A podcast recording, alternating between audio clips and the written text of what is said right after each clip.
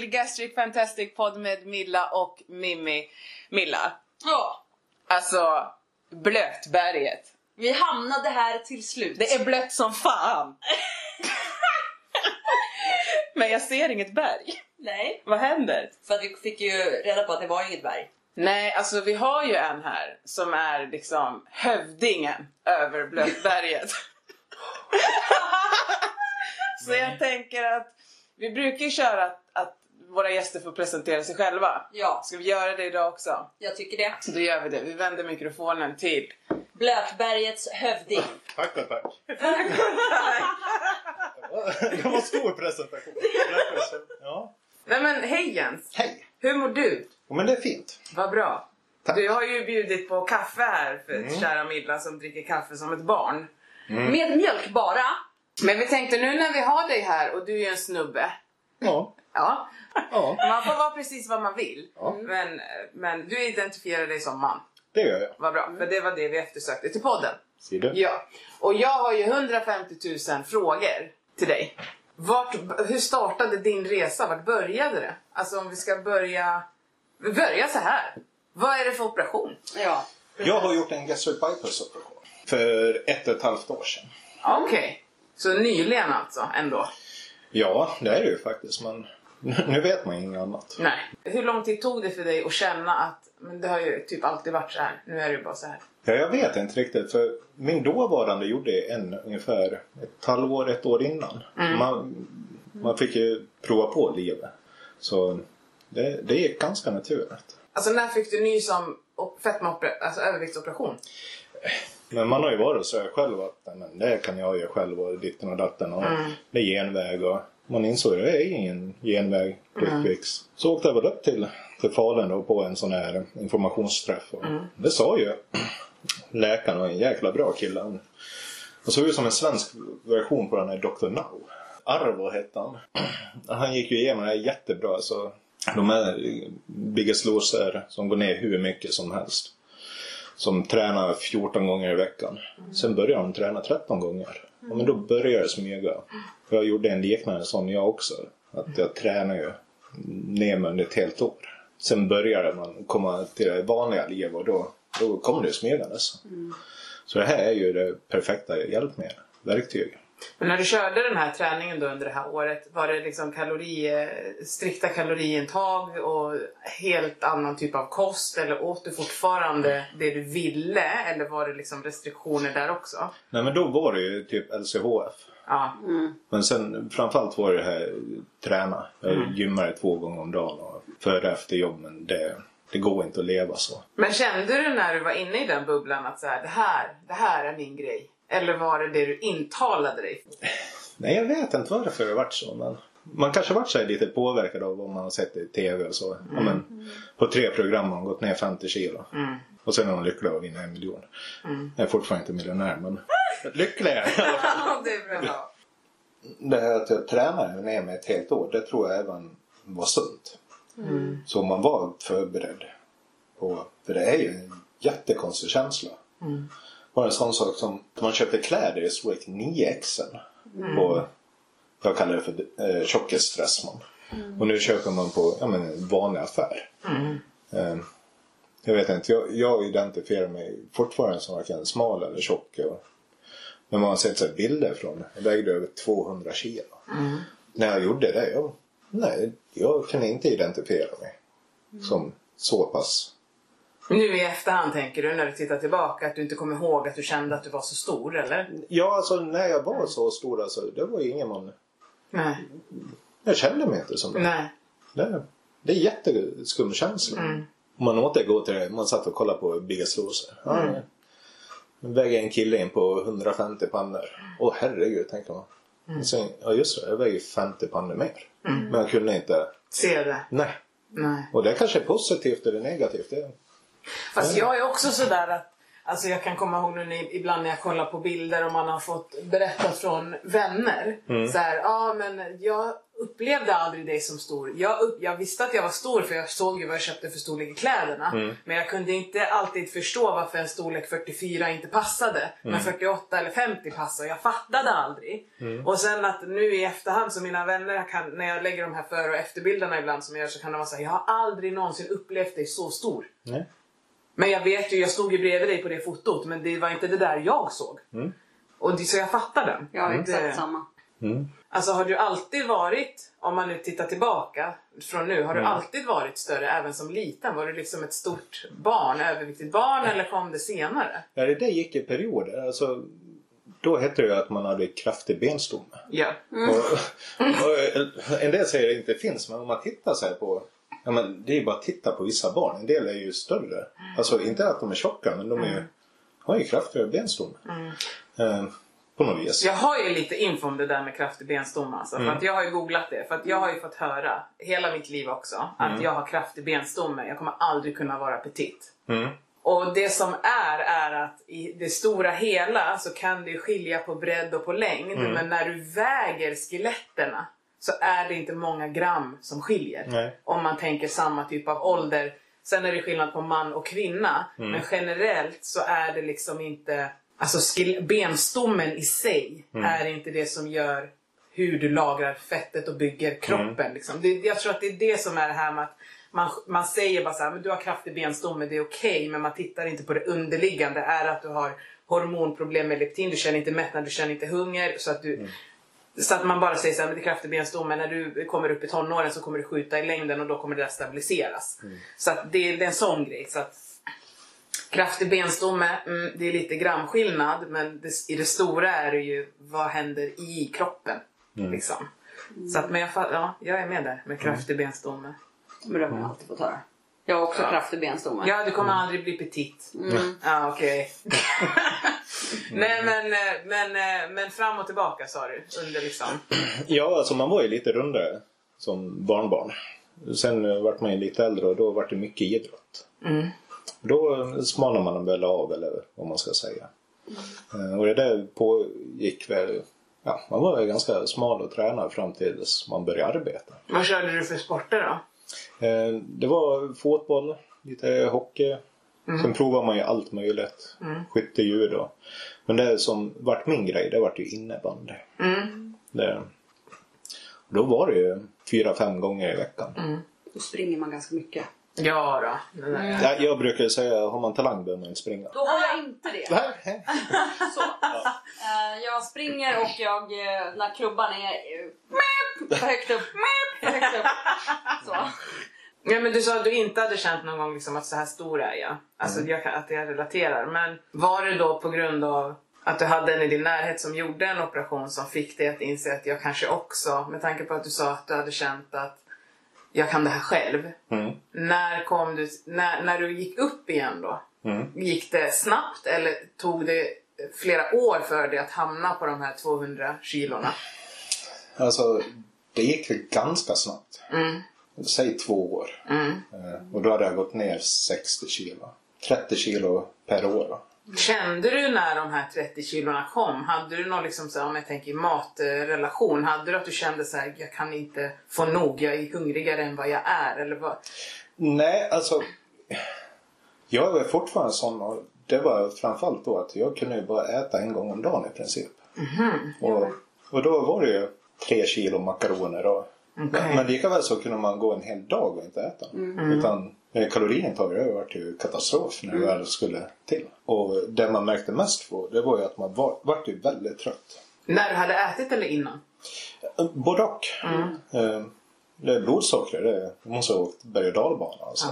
Eh, Som en jojo. Det- Men utvecklade du några underliggande liksom, diabetes eller något så här?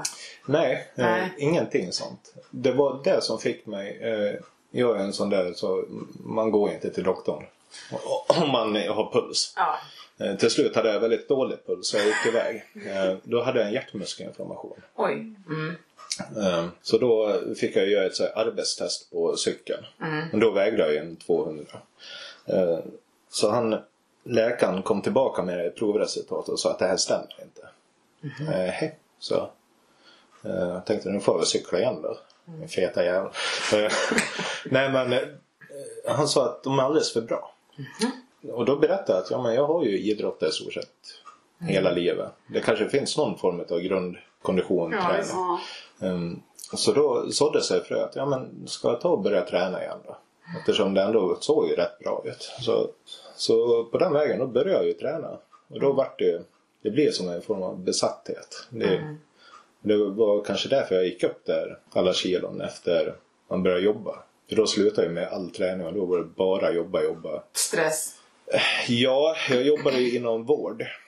Och under en femårsperiod hade jag inte en semesterdag. Jag var sjuk en dag. Men annars tror jag gjorde ungefär 240 timmar i månaden. Oj! Ja. Och, Oj! ja, men det var ju det svart eller vitt. Vet du, man får lite tunnelseende. Det var lika när man idrottade. Och lika sen när man väl gymmade. Det var ju två gånger i veckan. Eller i veckan, om Ja. dagen. Du fastnar lite liksom. Ja, Jag tänker svart eller vitt. Är det liksom eh, prestationsgrundat? Eh, grundat? att du får, är det liksom ångestladdat att jag måste prestera, jag måste göra det fullt ut annars? Ja, på sätt och vis kanske. För jag är ju uppvuxen i ett missbrukarhem. Eh, och då var det ju det. Ja, men man ville inte vara hemma. Ja, men då åker man och idrottar. Men man skulle alltid, oavsett om det var fylleslagen helg. På måndag stämplar man in och då jobbar man gärna. Så, ja jag vet inte. Det var antagligen eller. Festar man då festar man ordentligt. Jobbar man så jobbar man ordentligt. Är man riktigt sjuk, ja då kanske man går till doktorn. Sen var det ju skönt att åka iväg och spela innebandy. Slippa tänka på missbruk i hemma. Nu var ju det alkohol. Eh, Men det kanske visade sig att jag fick ett eh, matmissbruk. Eller, så det För finns... du, du har ingen liksom alkohol... Eh, Nej. dricker du alkohol? Nej, jag dricker inte alkohol. Nej. Jag slutade dricka alkohol när jag varit pappa. Okej. För jag tänkte min dotter ska aldrig uppleva Nej. det jag har upplevt. Mm. Det var lika att sluta röka. En vecka efter, nej en vecka, en månad efter jag gjorde operationen då, Mm. fick jag ju för mig att sluta snusa. Hur gick det? Alltså jag var ju nere i helvetes sju. Ja. Ja, fy fan alltså. Inte kunna äta socker och sluta snusa. Mm. Men det gick bra. Okej. Men eh, jag såg faktiskt en jättebra video på TikTok. Där handlar han pratar om sin pappa som faktiskt hade ett alkoholmissbruk. Men som slutade. Och då sa den här grabben, ja, pratade med sin pappa. Ja, hur länge ska du vara nykter? Nej, jag vet inte. Men åtminstone idag. Och det där det vart jag väldigt fascinerad av. För nu har ju min våg stått stilla. Så nu har jag börjat kört så. Så varje dag så när jag går hemifrån, då drar jag ett streck så här. Ja, men idag ska jag inte äta fikabröd eller... Så jag tyckte det var jätte, jättebra tankesätt. Att Åtminstone idag. För det är lite mer greppbart än... Ja men det här året ska inte jag... Ja. Ja. Det blir så långt fram att man ska hålla liksom. ja. Så om man bara utgår från en dag så... En dag, det klarar ju alla. Men jag tänker det här när du sa nu att idag ska jag inte äta fikabröd. Mm. Är det då att du, in, att du känner att du inte vill äta det för att du står still på vågen? Både och. Nu, nu bröt jag ju det i onsdags faktiskt på jobbet. Men det är inte så att det blir så här ångestladdat. Nej. Det, det är jag väldigt noga med. Det ska inte vara något... Det är lika, jag kan ju åka köpa en pizza. Det ska ju vara ett normalt levande. Inga förbud, men kan- man kan utmana sig själv. Typ. Ja. Ja men att, att inte äta bara för att äta utan man äter när man känner ett sug. Och är det då, lite grann som jag brukar säga ibland så här. När jag får ett sug då, eh, efter sötsaker. För ofta är det ju inte, det, ofta är det ju inte ett sockerberoende du har. Utan du har ju en kombination av fett, socker och alltså hela alltihopa. För det, det finns ju säkert de människorna som äter socker direkt ur sockerpaketet. Men ofta är det ju kanske kakan och då har du ju också fett tillsammans med socker, tillsammans med choklad. Det är ju konstellationen som gör, ger det här äh, suget. Men man kallar det enkelt för socker. För att det är sött. Liksom. Men då brukar jag i alla fall tänka, och det gör säkert du också. Är det det söta jag vill ha, eller har jag glömt bort vätska? Har jag glömt att äta? Vad är det egentligen? Och då är det ganska lätt för mig numera att säga, nej men det är mat jag behöver. Det är inte den där kringlan eller liksom. Och när jag då får i mig maten så försvinner ju suget. Ja men precis. Så att det kan ju vara en sån grej att om man är så pass medveten också att så här, nej men jag ska inte bara ta kringlan för att den är lätt tillgänglig utan det är ju kanske proteinet och fibrerna som jag vill ha, som min kropp vill ha i sig. Att man kan styra till det, det är starkt alltså. Och då tror jag den där som du säger, en dag i taget, är verkligen. För det tar en stund att göra den här livsstilsomställningen. För man har varit väldigt sådär lättillgängligt med sötsakerna och då är det lätt att bara ta den. Och skulle man falla i att man tar den där kringlan eller vad det är. Så är det inte, ja det är en dag. Ja, Det är inte tre månader som du har kämpat. Det är en dag som sker sen. Så då tror jag det är mycket lättare att komma upp på sadeln. Vad en, verkligen. en dag man unnar sig. Alltså du vet såhär... Mm. Ja. Ja, och vad är, vad är en dag mot 365? Hur har du känt dig bemött i vården? Har du känt liksom att du har blivit behandlad annorlunda? ja, alltså vanliga sjukvården har ju varit annorlunda. Men eh, bariatriska, Ja, de är ju guld värda. Bara att komma dit på mottagningen och säga att stolarna är anpassade för Ja. stora människor. Så, mm, jag har ett väldigt dåligt knä. En gammal idrottsskada. Skulle jag gå till läkare med det? Jag tror sist jag var iväg då, då brände alla ligament i insidan. Ja, hur är det med vikten? Ja, jo, fast nu är knä som är trasigt. Ja, så jag tror man har dragit sig mycket för det också. ja visst. Till, För man vet ju att oberoende vad det är så kommer de säga gå ner 10, 20, 15 kilo så ska du se att det där löser Ja. sig. ja, det är lite ungefär så. Jaha, är det så enkelt? Ja, men då plockar jag ut min läkarlegitimation. Precis. Ja men verkligen. Ja, ta en Alvedon. Verkligen. De skulle ta blodtryck. Där fick de ju hämta någon speciell, heter det mas, massett? Ja, jag vet Ja. inte. Men sån där armgrej. Ja. Men när de sa att de skulle vara de så här, oj oj oj, här får vi gå. Eller utan var det bara så här, att de bara gick och hämtade? Eller kommer du ihåg om de liksom berättade för dig att den här kommer inte funka så nu måste vi gå och hämta. Alltså, Ja, vågen var ju så. Ja, Jag vet inte vad jag är rädd om, att han skulle gå sönder eller något. Men nu var det ju så lite, ja den här går bara till, okej, ja. Mm. Gå och hämta den ni väger lastbilar på typ. Eh, Ja. eh, men den här de tog blodtrycket på, det var ju, nej men den här, vi tar en annan. Eh, men det blir ju väldigt utpekande. Det. jag tycker det, ja. Det är det som blir så hemskt just med, med vården. Att det är så här, de borde ju ändå hantera det bättre för det är vården eh, än vad de faktiskt gör. För det blir ju så här. Ha digitala vågor som funkar från 0 gram till upp till 500, 500 kilo. Så. Alltså Ja. du behöver inte liksom hålla på för att det gör ju bara saken värre. Liksom. Ja. ja, det blir ju att man pekar mer på att när man redan känner i ett samhälle att man inte är liksom, normskroppsanpassad så blir det ytterligare så här. Mm, kan inte stoppa den. Nej. Utan vi ska gå och hämta en specialare. Det är så här. Men i det då så tänker jag så här. Män och machokultur. Mm. Vågar man i den situationen visa sig sårbar? Hur då tänker du? Nej men jag tänker liksom att om du skulle, när du känner då så här att, ah vad fan. Eller om du ens känner så. Eller blir det att man som man då får den här, ah skitsamma, du kan, som du sa lite grann, så här, hämta, hämta den som ni väger lastbilar på. Blir det att man drar det skämtet för att liksom man inte ska ta åt sig eller bry sig som man? Eller, eller Jag vet faktiskt inte. Jag har ju inte haft problem med, med på det viset. Alltså, jag har ju kunnat skoja om mig själv. Inte på så här macho. Uh, men man typ uh, tittar på en sån här vit plaststol och ja, ja, det där kommer ju aldrig gå. Så, eh, men i- utan att ha gjort det till en stor grej. Och jag vet inte om det är någon form av självinsikt eller Men eller är det för att du har gjort det för att ingen annan ska hinna före?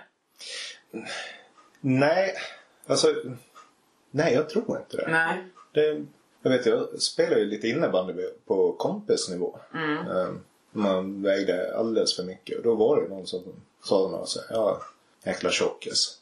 Och jag kan ju vara lite rapp i käften så jag sa, du jag får en kaka varje gång jag din mamma.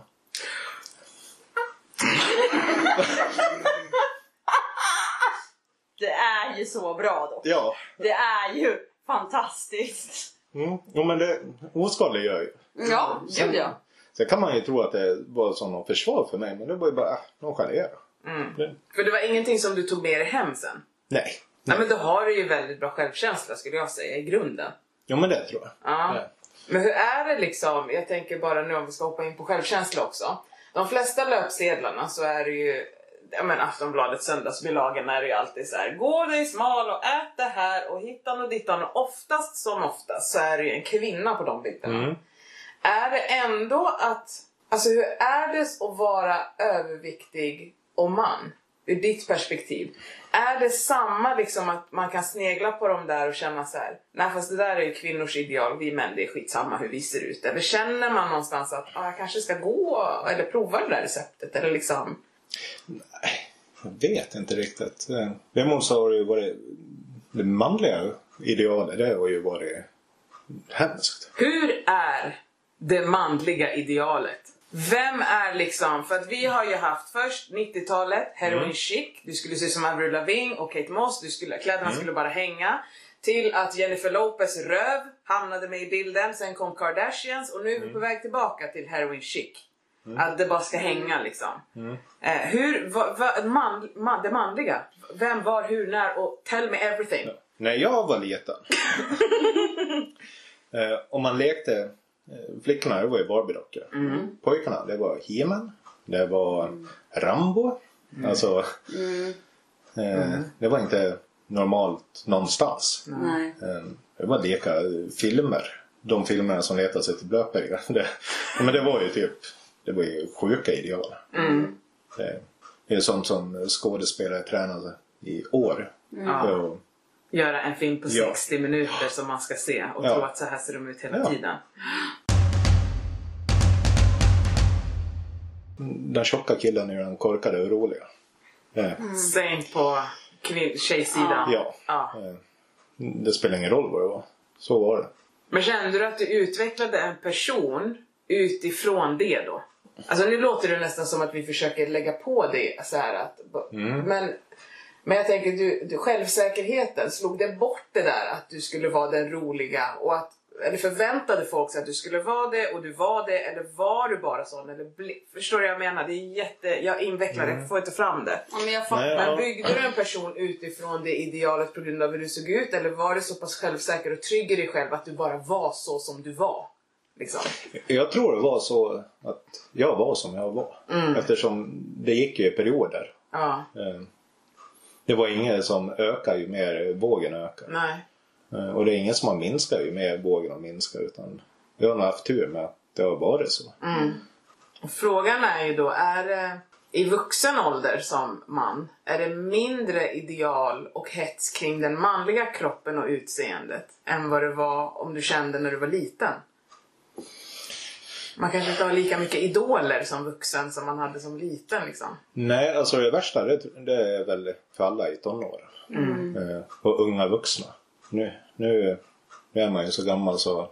Men nu är det känns som att det är förbi på något vis. Känner du att, eh, att eh, för, alltså, som jag och du Milla, vi kan i alla fall ibland känna att det finns en hets i samhället kring hur en kvinna ska se ut för att hon liksom ska vara accepterad. Och vad man ska ha för typ av arbete för att man ska vara lyckad. Och i allt det här så ska man ju också knäppa ut hjärnan, eller knäppa ut, men föda några ungar utan att tappa formen. Och här är man inte tillbaka till den kropp man hade liksom ett år efter att man har fött. Då är det så här. Aj, nu har du tappat det. Hur går det på jobbet? Har du förlossningsdepression? Vad är det som händer? Du har nu gått ner i vikt. Nu har du lyckats att du känner att samhället och idealerna, att de möts och ser dig som att men det här är bra. Fortsätt. Och att du får liksom mer pepp och mera... Du blir mer accepterad av Ja, samhället. typ så. Jo, men det tror jag. Eh, Jag tror det skulle... Nu gissar jag bara, men jag tror det hade varit mer utstickande om jag vägde 200 och var förskollärare. Men har du fått några, jag tänker eftersom det är ett, har du varit lärare under de här åren som du har gått ner? Nej, Nej. det är först i år. Ja, Okej. Jag tänkte annars om man hade fått något liksom att... föräldrarna till barnen eller arbetskollegorna hade liksom bara såhär wow, ja, nu det är rätt spår, fortsätt. Ja. Liksom. Nej, alltså när jag gjorde min operation då jobbade jag, jag som fritidsledare med ungdomar. Och eh, jag såg ju dem dagligen. Så de märkte inte heller direkt av eh, att jag hade gjort operationen och gick ner. Så det var, kom ganska naturligt. Det är, sen när jag kom och hälsade på dem något år senare så har jag nästan fått presentera mig. Så nej. Nej. Nej, för jag tänker typ också här, säg att du går på stan där, så här, Ludvika, du åker in till stan. Och har du känt någon typ av skillnad då? Liksom? För jag tror det är det också försöker säga.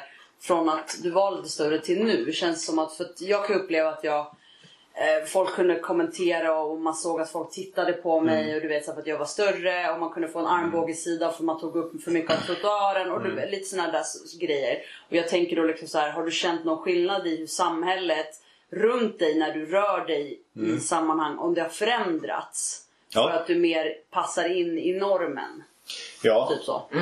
Det var Jo det jag men alltså. Okej. Ja men Jag vad bra. förstod det efter ett tag. Jag behövde bara... Jag behövde formulera om det i mitt huvud bara. Så. Ja. Okej. Jo men. Nej men det är ju så.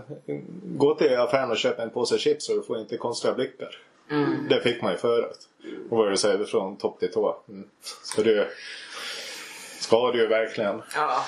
Ja. Så det, det är väl både för killar och tjejer och tanter och gubbar. Och, och sen är den standarden vad fin du har blivit. Vad, vad gör den kommentaren med dig? Jag har tänkt på den där. I början då skulle man ju försöka läxa upp. Ja, jag var fin innan, ditten datten och så. Men alltså jag förstår ju tanken med den. Alltså det är inte av eh, ondskan man säger så. Nej. Förhoppningsvis. Det kanske finns de också. Men det är det är ju mycket lättare att säga vad fin du är än vad, vad hälsosam livsstil du har skaffat dig. Det blir en väldigt lång mening. Det, Ja. så det blir kanske lite förenklat att säga vad fin du är.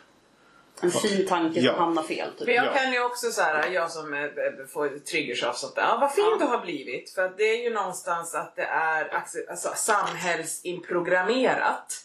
Att är du smal så är du fin. Och det är därför jag kan bli triggad när folk säger vad fin du är nu. Mm. Så. Sen om det är att man... För jag har sett på bilder ibland när jag var stor att men jag såg ju trött ut. Jag såg sliten ut. Jag, var, jag vet själv att jag var inte glad där. Där kan du ju se en skillnad i en aura hos en människa. Att nu strålar du. Du är självsäker, du har själv liksom så. Men just den här, vad fin du är. Vart, vart kommer den ifrån? Är vi nära och du ser min förändring även i hur jag mår? Eller är vi bekanta och du ser att jag har gått ner i vikt? Så att en sån grej kan ju också vara, Men då är det nog åt idealhållet. ja. Det, Du passar in i normen liksom. ja. Men när du handlar kläder. ehm, och när du var stor och handlade kläder. Jag tänker de som jobbar i de butikerna, obviously antar jag, dömer ju inte människor. Nej. Men sen när man kommer in i de här äh, normala, eller vad, vad använder du för? En normal butik, vad Ja. var det så du sa? Känner du där att de så här, ah, men hur kan jag hjälpa dig? Och fick du, är det samma typ, jag vet inte om du var inne i sådana butiker innan, men kan du jämföra det typet av bemötande? ja, absolut. När man var som störst, det var ju inget som... Ja, man, man såg dem titta lite och sen var det inget mer. Nej. Nu är det nästan, kan jag hjälpa dig med något? Ja, jag skulle vilja ha den här jackan. Har du tre extra? Nej, men du klarar det med två extra. Mm. Ljuger du för mig? Vad vill du med? Vad vill du med? Men hur känns, hur känns det då? Alltså, jag tar inte illa vid mig. Nej. Och, Känns som att du är ganska lättsam. Ja, jo, Jag men det, tänker ju så mycket. Jag blir förbannad hela tiden. Ja, det blir det. ja, Men det är, alltså, jag tror att någon kanske mitt emellan. För jag är, du, du, så här, du blir ju lite arg och tar åt dig och blir triggad. Jag är lite ha- mitt emellan och så kommer du igen så är det så här helt plötsligt så är det så här tripp trapp trull. Men Eh, Stora Ja. bocken Bruse. men, men, men känner du någonstans liksom så här att varför kan inte det här bemötandet vara för alla? Liksom? Eller har du inte hunnit... Alltså, Alltså, ja... M- Men jag utgår bara från mig själv. Alltså hur... Inte man ska behandla andra hur man själv vill bli behandlad. Man ska ju behandla andra som man tror de vill bli behandlad. Och det tankesättet har jag. Sen kan jag inte tro att alla har det. Men, Nej. ehm, men det, är- nej, det, det är svårt. Ehm, det är nog många som tar väldigt illa vid sig. Och går på affärer och ler. Mm. Ehm, jag har inte det bekymret. Nej. Men gud vad skönt ändå. Alltså att du ändå kan ta det med, med, med den ron liksom. För att man kan ju bli lätt kränkt och, och, och känna så. Man kan känna mycket både före och efter. Men har du känt någon gång så här.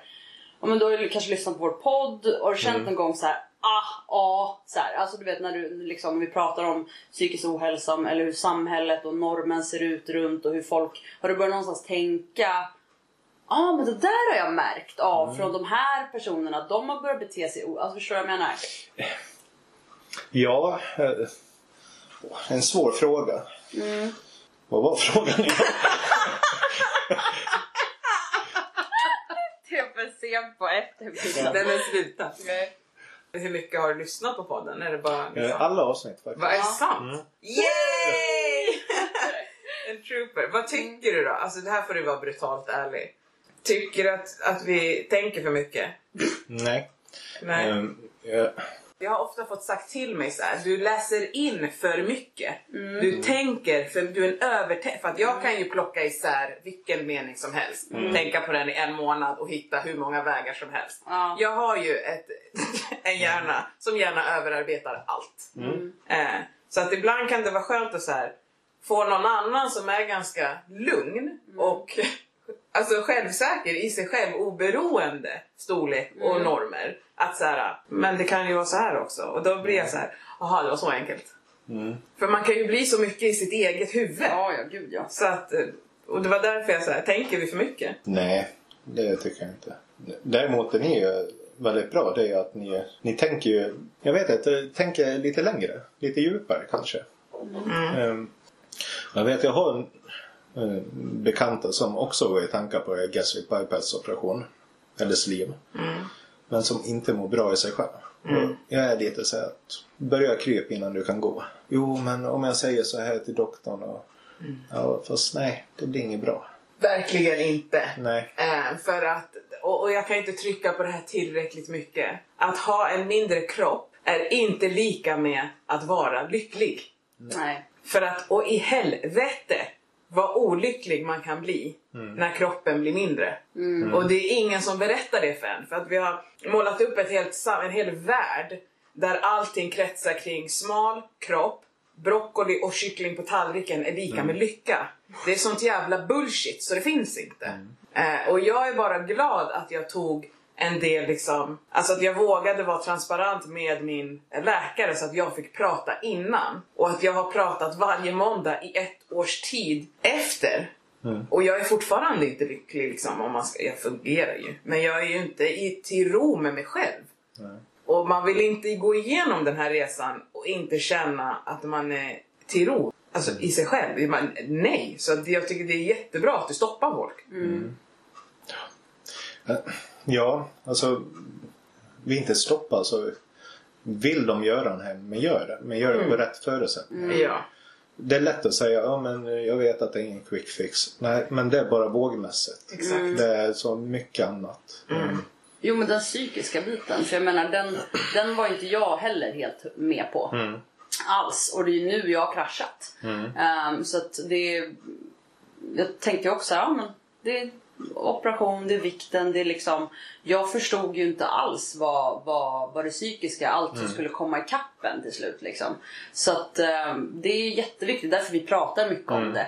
Ehm, för det är många som lyssnar som också är precis innan sin operation ehm, och väntar på operationstid som bara, ah men bra då vet jag att jag ska börja bearbeta det här redan nu för det kommer komma som en käftsmäll annars där framme. Kanske.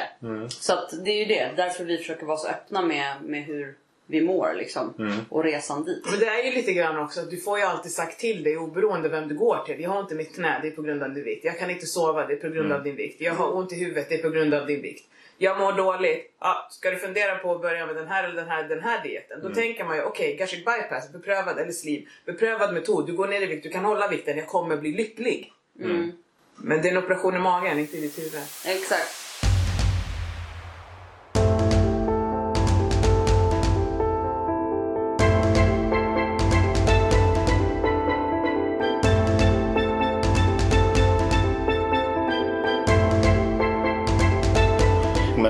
Också lite det alltså. Att jag inte dricker alkohol. Det är ju dels för den där flickan på kortet. Men sen är jag ju medveten om alltså de här kilorna det har ju varit ett matmissbruk.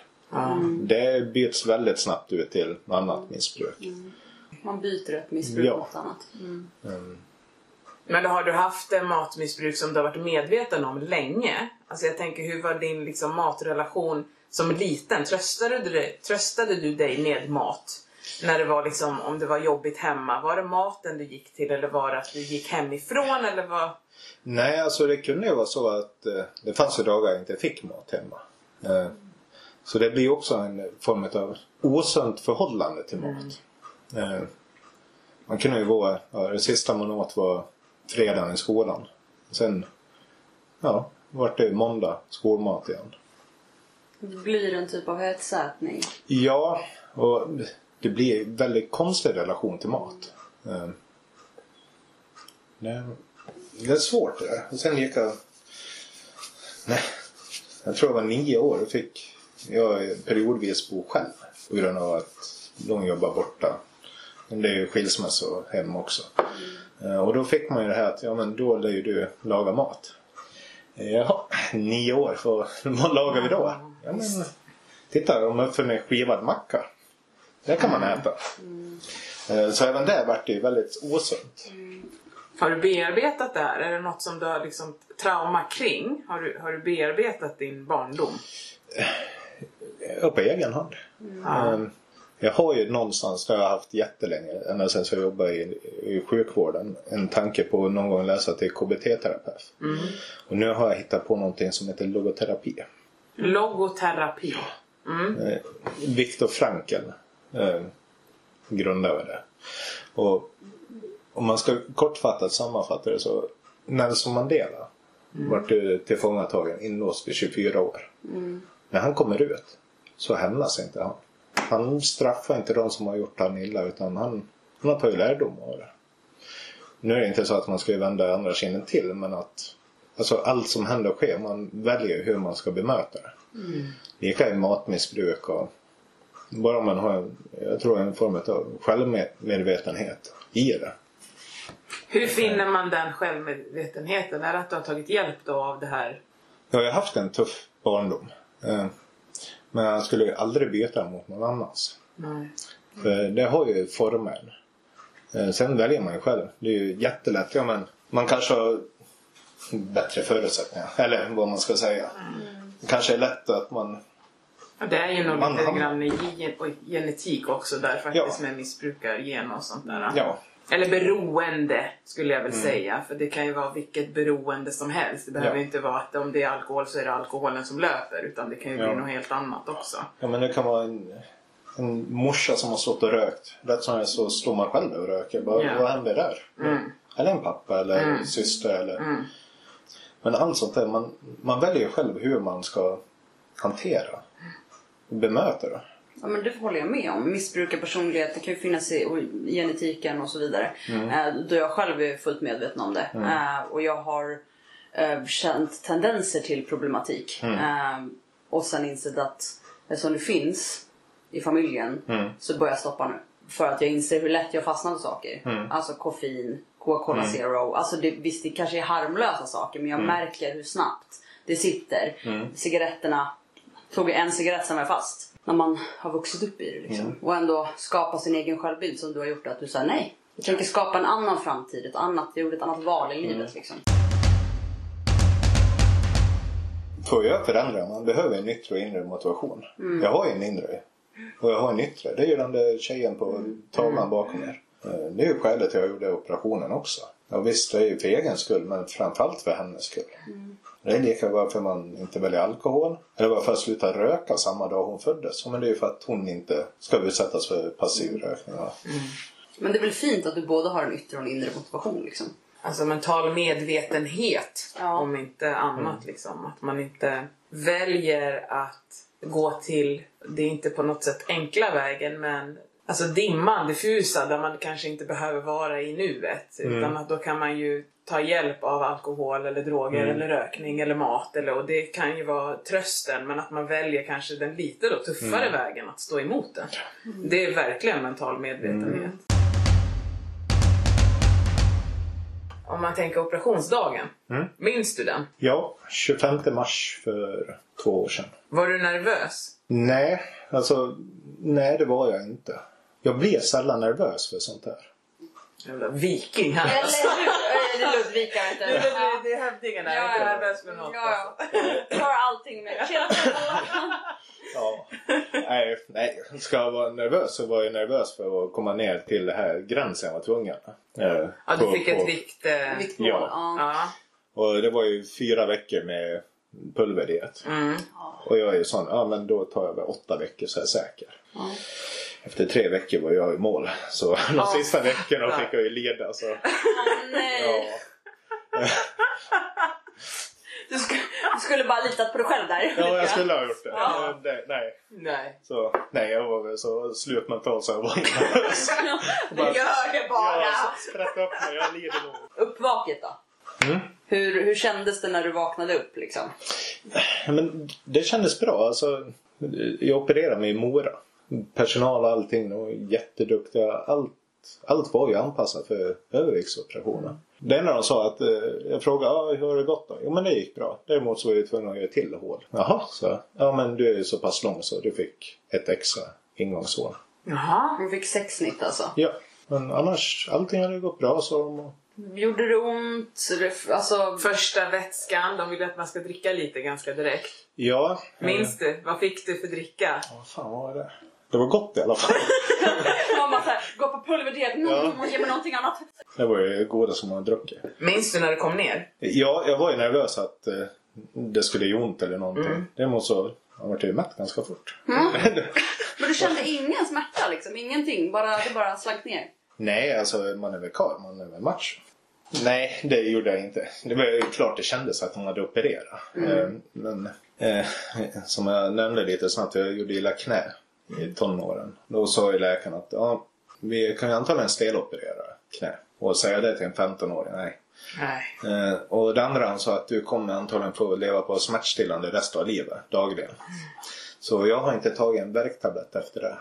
Och det är också med, det är inget så här macho utan det är missbruk. Rädslan för att Ja. bli beroende av piller. Ja. Ja. Eh, Jag fattar den. ett tag då trodde jag inte de hade opererat mig. Eh, ja, det var ju de här märkena. Men de bara, de bara gick in och bara, Ja. låtsas. Ja, ja, fredag eftermiddag. Ja, men vi snittar lite så. Ja. För allt har ju gått klockrent. Eh, De opererade mig en torsdag. Fick åka hem på fredagen och på måndag var jag och jobbade igen. Okej. Wow! Ja, eh, Hövdingen. ja. Nej men jag tänker, var det, var det, du kände ingen liksom energi med, med att du inte fick i dig matmässigt liksom? Men alltså jag har aldrig haft så mycket energi som då. För då, Okej. då var man inne i det här man åt som en bebis varannan timme. Så man var ju pigg. Jag var pigg. Ska inte säga man utan jag då. Var ju pigg direkt. Så det var inga konstigheter. Och lika, jag hade ett jobb då som, som fritidsledare. Jag kunde äta när jag ville. Det var inga problem. Så imponerad. Men jag tänker det här med då när du började jobba ganska direkt. Var det också i det här att du kunde har du varit hungrig tidigare och att du hela tiden fick känna en typ av mättnad? Har det varit någonting som du har fått lära dig? Att aha, okej, jag är mätt. Okej, jag är hungrig. Fick, Nej, alltså det var väl innan man började med pulver. Då kunde man ju känna hunger. Sen var det så ofta som man var inte hungrig. Det, det var ju, man fick ju ställa klocka för att få i sig. Sen var det ett bra tag efter mosperioder och så innan man kände en hunger. Och den hungern den var ju hemsk. Ja. Man höll ju på att svälta ihjäl på två sekunder. Jag minns. Jajamän. Men den har ju blivit bra. Den har lugnat ner sig Ja. för dig. Men det är ju för att nu har jag ju kommit in i en rutin. Jag åker ner till jobbet, jag tar mina två knäckemackor. Och sen är det lunch med elever. Sen går de hem och jag tar mina knäckemackor och åker hem. Så det har ju blivit en rutin. Utan rutinen då, då tror jag inte det. Nej. Då hade jag nog haft en hunger. Och, Men eh, känner du, jag tänker nu när det har gått ett tag med det här just hunger, känsla och mätt, mättnad. Känner du mättnad också? Eller är det bara att jag vill inte ha mer? För så vet jag att jag kunde känna första, första ett och ett halvt, två åren. och det, det är så svårt, det beror på vad man äter. Det är nästan dagsform. Jag försöker fortfarande inte dricka nära en måltid. Ja, det, det beror på vad det är man äter. Kan du dricka under Ja, måltiden? det har jag alltid kunnat. Okej! Och Lika kolsyra, det har aldrig varit något problem. Men du kan alltså äta och dricka i Ja. kombination till varandra? Jag kan äta och dricka vad som helst. Det enda jag har haft känningar av det var om man köper en sallad på en pizzeria. Så ibland skickar de med sig skivat ägg. Det har jag känt av. Då har jag fått dumping. Då, då har det varit nära döden känsla. Men allt annat funkar. Hur är din dumping? För jag har ju typ fem olika. Mm. Men jag tänker om du har olika typer av... Nej men alltså jag var väl lite korkad första gången. ja men det kanske går bra andra gången. Nej jag har ju fått två stycken. Och det är som att det är någonting i bröstet som låser sig. Alltså det är en... Som att det tar stopp liksom. Ja, alltså det är ingen direkt smärta utan det är någonting nu. Det är som att det är någonting som knyter, låser sig, växer. Det blir lite så här, jag har aldrig haft panikkänsla. Men jag kan tänka mig att det är något åt det hållet. Att det blir som en panik i. Fick gå upp och gå lite och man sträckte på så man kunde inte riktigt tills det släppte. Eh, Men det höll väl på en halvtimme. Men det blir inga illamående eller svettningar. Hon får ju svettningar. Hon blir ju... Jag får ju extremt illamående så att jag bara så här, nu kräks jag upp allt som finns. Det finns ju typ inget men ja. Det var typ en kräkkänsla. Men jag vet inte om det beror på att det var att det kändes som det var någonting i bröstet. Eh, Men inga svettningar eller så men någon form av, nej, panik, kräk, det är stopp. Kan du kräkas? Jag vet inte. Ja, du, kan, du kommer inte kunna. Nej, jag tänker också det. Men jag tänkte på det just om du... För du sa att du kunde dricka med maten och äta samtidigt. Kan du då... För jag, jag tror jag kan det också. Eh, men jag blir så här, jag, jag har ju tagit någon gång man, man har druckit för tätt in på maten och det. Men det tar ju tvärstopp då liksom. För det blir som att det blir fullt. Får du den här att det blir mindre mat du kan äta då? Alltså för att du dricker, förstår du vad jag menar? Att Ja. du fyller på ett annat sätt. Nej, alltså det tror jag jämnar ut sig. Ja. Eh, Men däremot, eh, ett tag kunde jag inte dricka för fort. Eh, Då var det också så att det nästan stockade sig i halsen. Eller vart det nu är. Det, men det tr- tror jag kommer förbi henne. Jag brukar få en känsla att det känns som att det har fastnat i magmunnen. Magmunnen, du vet, man tar en för stor tugga så är det som att magmunnen bara Jag får inte ner det! Typ så. Ja. ja. Jag brukar säga när man drack så här, typ kolsyrat vatten. Det kändes som att jag slog en volt. Och det gjorde inte ont men det var typ obehagligt. Nej, jag känner igen det. Känner. Ja. Viktnedgången under ditt, dina två år. Mm. Har den varit snabb eller har den varit Stabil. stabil och liksom... Den har varit jättesnabb. Eh, Jag har ju sen operation och med allting innan så 85 kilo. 85 kilo! Ja, vad Helvete. Jag bara tänkte Jens. så här, ja jävlar. Då, alltså sen säsong, nej inte säsong. Med ett halvår har det i princip stått helt stilla. Jag kan inte släppa, vänta förlåt. 85 kilo! Ja. Nej, jag kan, till, till protokollet, Mimmi ser ut som, jag vet Nej inte. men det är så sjukt mycket. Kanske, men det är så här, då är det ju inte på ett sätt konstigt att du står still. 85 kilo är ju brutalt. ja, det är det. Eh, Men det är också en sån här... Alltså man, Hur lång är du? 1,91. Jag tänkte det, jag bara, du var väldigt lång också. Ja.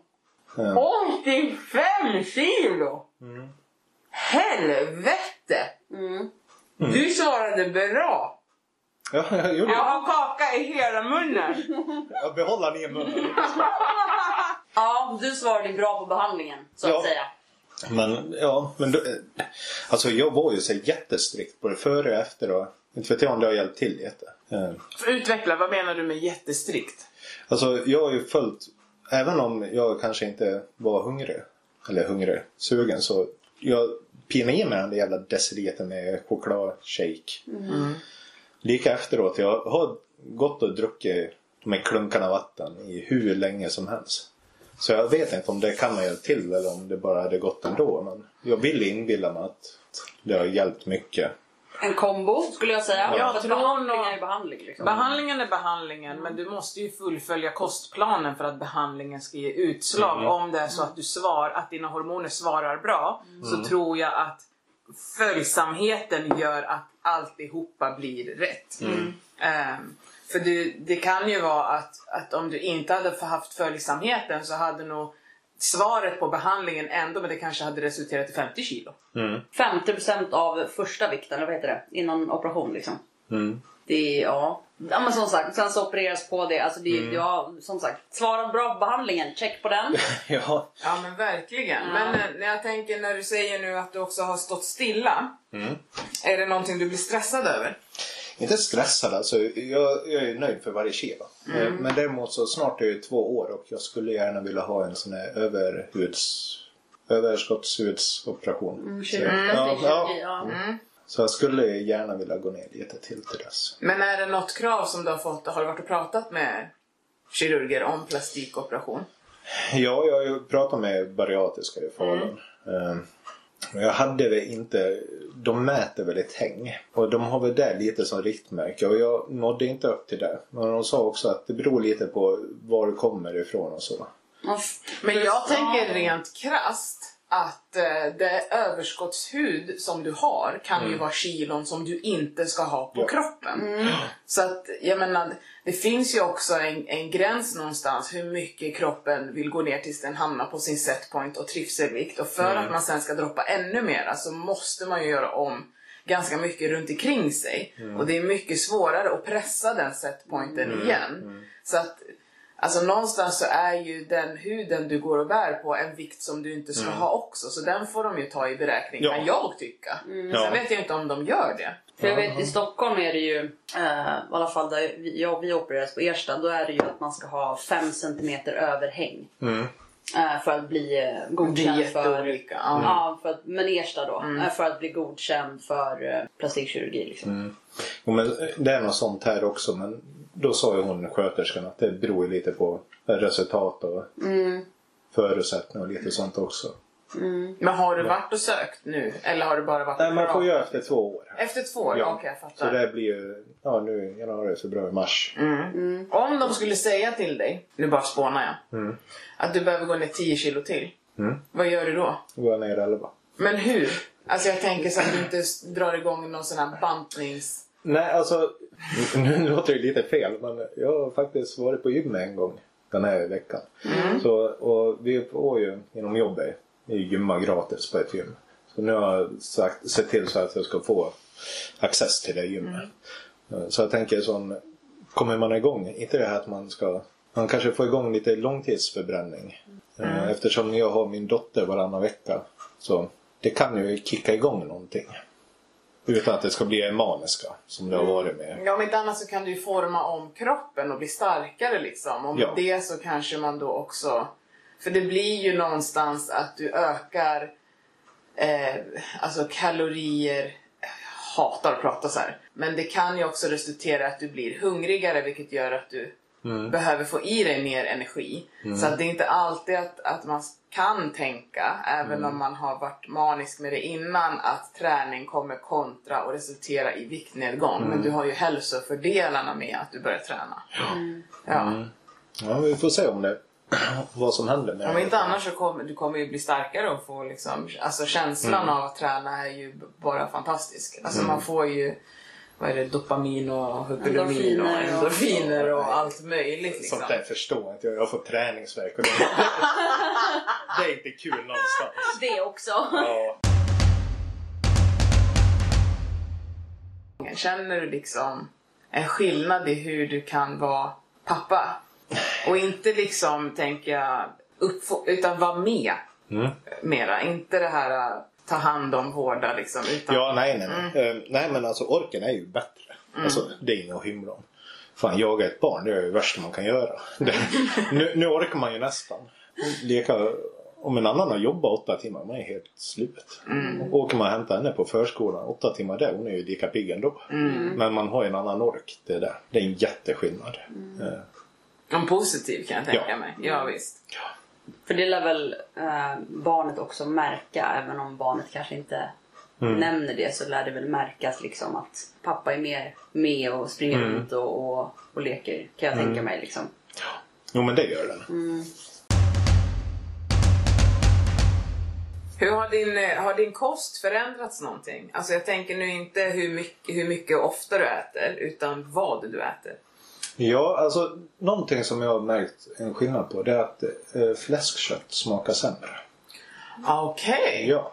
Jag vet inte vad det beror på men det smakar inte lika bra. Men är det... Ja. Mm. Så jag byter ut väldigt mycket till eh, vägg. ja. Mm, Det finns ett eh, fabrikat som jag är helt såld på. Anamma. Ja, jag använder dem också jättemycket. Eh, Så fredagstacosen har vi deras väggfärs. Nej, det har blivit mycket mer vägg. Mycket mer grönsaker också överlag. Hur är det med rött kött? Ja, men det, det är samma leka. Det är inte att det kött. För, för jag, tyck, jag kan tycka att rött kött landar liksom ganska hårt. Ja, nej. nej, utan det, det är fläskkött. Alltså, det- Nästan lite mer unket smakar det på. Du smakar dött. Men, Ja. det, men, det Billig död. men det landar inte i vagn. För att jag har ju tvärtom som du. Du har ju rött kött, det är säkert, men jag har ju mer att jag hanterar rött kött och även då kyckling bättre. Just fläsk, det smakar ju likadant så. För mig är inte den smaken men det landar jävligt hårt i magen. Fläsk för mig är mycket tyngre än vad rött och kyckling är. Så jag väljer ju hellre men, kycklingkebab eller kyckling, alltså så, än, än fläsket. För fläsket det, det är hårt, det tar, det... Ja. Men är det mycket som du har känt eh, smakmässigt har förändrats? Nej, utan det är ju fläsk och eh, det var ju i början när man fick äta mat och smaka allting. Det var ju smakexplosioner. Mm, ja, jag Men- minns det. Men någonting jag aldrig mer kommer äta det är eh, sån här pulversoppa. Ja, nej. Nej, för fan. Potatis och purjolökssoppan. Ja, den jävla tomatsoppan. Det är för fan förkvällningar nu. Jag ska visa att jag kan spy om jag tänker Ja. Jag kommer ihåg det och det var ju därför jag inte... Jag ringde till er och bara Det här går inte. Jag kan inte äta den här skiten. Och då var de så här. Mm, det har gått en vecka. Okej. Keso. Ägg. Väldigt försiktigt. Allt du kan mosa. Försiktigt. Börja med det liksom. Så att jag gick ju bara på flyt en vecka för jag åt, alltså när jag hällde upp den där soppan tog ut den från mikron och bara kände lukten. Jag var såhär mm. Jag äter inte den här skiten alltså. Nej, det, Nej. Så att eh, nej, tomatsoppan är jag fattar den. Jag fattar Ja, den till hundra. den, den, den åt jag faktiskt inte. Jag körde, jag gjorde egna soppor och mixade och sådär. Istället för att potatis, eh, köttfärs och tacosoppan, eller grytan, den mixade jag. Och det, det var väl räddningen sista veckan på flyt. Annars hade jag nog också hoppat av, tror jag. Men jag tänker så här, nu kanske det blir jätteprivat, men jag måste fråga. Alltså, lusten. Har det blivit mer med viktnedgången? Eller försvann det? Alltså, jag, min försvann ju. Vad- Är, är det så? Ja, men det, det, det, det, det, det Skämmes på dig. Det, men det diskuteras ju mycket om det här. Ja. Men vi har ju bara tänker, hur är det för en, en, en man liksom? Ja. Nej, alltså för mig är det samma leka. Det har inte påverkats någonting. Fy fan vad orättvist. ja. För det är ändå tjejer, många som alltså, de har tappat det helt alltså. Ja, men sen kan Ja. man ju inte... Alltså Jens kan ju inte vara huvudman för alla män i är hela liksom. Nej, alltså för mig gjorde det inte det och jag har inte hört något. Nej. Det är lite därför jag också ville vara med här. Alltså, jag tycker det är mest tjejer, kvinnor man hör när det kommer sånt här. Så därför tänkte jag, men då hör jag av mig. Ja, jättebra. Det, de pratar inte lika högt om det liksom. Nej, jag har väl heller inte pratat om det, men jag har inte dolt det heller. Nej. Men tror du att det kan vara någonting som är tabubelagt just för att det kan vara lite grann den här machokulturen att en man ska inte vara liksom Alltså utseende, eh, jagande och det ska man vara nöjd med det du har, du är du, du klarar det ändå liksom. Kan vara lite så också. Jag har inte, jag tror många kan se en skam i en sån här operation. Och det har jag inte gjort. Så varför ska då inte vara öppen med att man har gjort det. Just för att det är ju ingenting som jag har sett i Sverige, om det inte har gått på Aktuellt, att man har pratat om överviktsoperation. Och man har vinklat de programmen så extremt med att egentligen bara prata komplikationer.